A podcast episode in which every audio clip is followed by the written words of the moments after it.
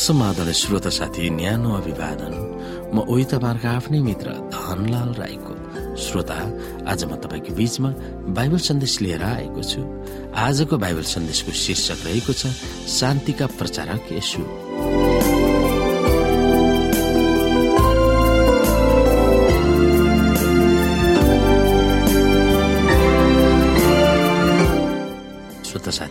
आजको अध्याय एफिसी दुई अध्यायको सत्र र अठारबाट। यहाँ एफिसी दुई अध्यायको सत्र र अठारमा यसुको सेवा कार्यलाई कसरी संक्षिप्त रूपमा प्रस्तुत गरेका छन् हामी हेर्न सक्छौ। उहाँले आएर तिमी टाढा भएका र नजिक भएकाहरूलाई मिलापको सुसमाचार सुनाउनु भयो किनकि उहाँद्वारा नै हामी दुवैले एउटै पवित्र आत्मामा पिता कहाँ प्रवेश पाएका छौँ। एफिसका विश्वासीहरूलाई शान्तिको अवधारणा महत्वपूर्ण थियो। पावलले एफिसीको पत्रको सुरु र अन्त्यमा हाम्रा परमेश्वर पिता र हाम्रा प्रभु श्री ख्रिस्टबाट अनुग्रह र शान्ति भनेर भनेका छन्। परमेश्वर पिता र प्रभु श्री ख्रिस्टबाट दाजुभाइहरूलाई शान्ति र विश्वास सहितको प्रेम भनेर पनि व्यक्त गरेका छन्। यहाँ एफिसी दुई अध्यायको एघारदेखि बाइसमा यसो आफै शान्तिको व्यक्तित्व हुनुहुन्छ भनेर जिकिर गरेका थिए। उनले भन्दछन् किनकि उहाँ नै हाम्रो शान्ति हुनुहुन्छ। उहाँले हामी बेला एउटै बनाउनु भएको छ र विभाजन ल्याउने शत्रुताको पर्खाल भत्काइदिनु भएको छ। र उहाँले व्यवस्थालाई त्यसका आज्ञाहरू र धार्मिक विधानहरू समेत आफ्नै शरीरमा खारेज गर्नुभएको छ। कि यी दुईका सट्टामा उहाँले आफैमा एउटा नयाँ मानिस सृष्टि गरून् र यसरी शान्ति स्थापना होस्। अनि उहाँले क्रुसद्वारा हामी दुवैलाई एउटै शरीरमा परमेश्वरसँग मेल गराएर शत्रुतालाई शेष पार्नुभयो।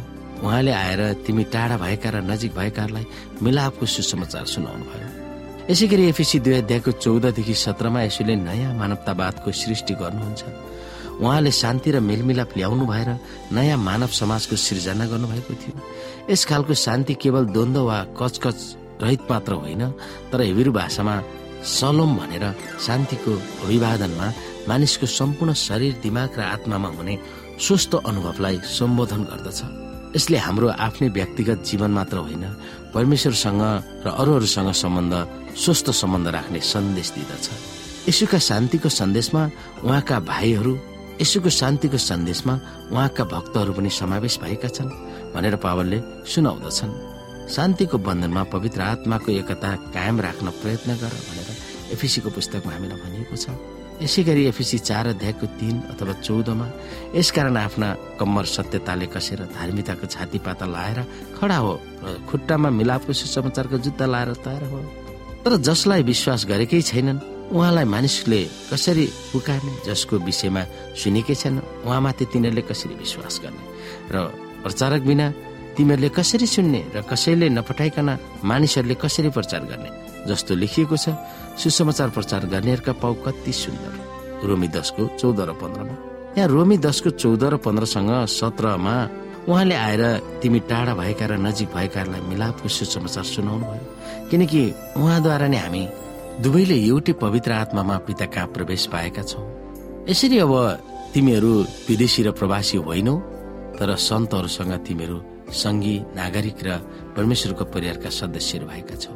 सुसमाचार प्रचार गर्नेहरूका पाउ डाँडाहरू हुँदो कति सुन्दर छन् जसले शान्तिको घोषणा गर्दछन् जसले शुभ समाचार ल्याउँदछन् जसले उद्धारको घोषणा गर्दछन् जसले सियोनलाई भन्दछन् तेरा परमेश्वरले राज्य गर्नुहुन्छ।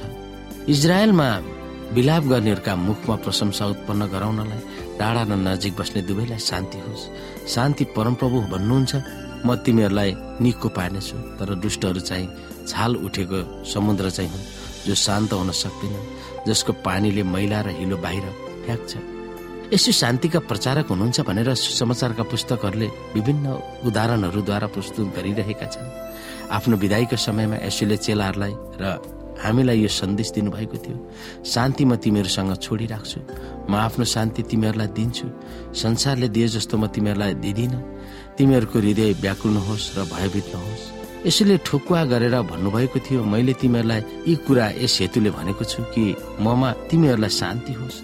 संसारमा तिमीहरूलाई सङ्कष्ट हुनेछ तर साहस गरेर मैले संसारलाई जितेको छु।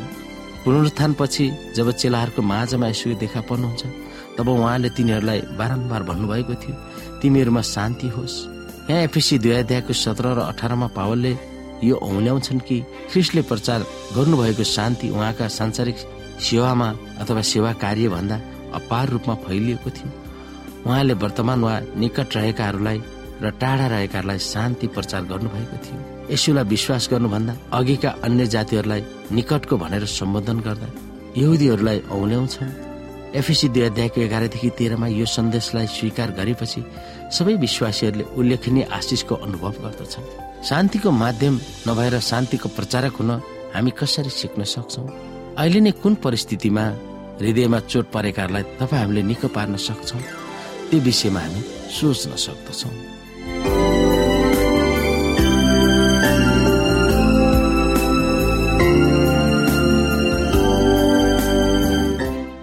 श्रोता साथी आजको लागि बाइबल सन्देश यति नै। हस्त नमस्ते जय मसिंह।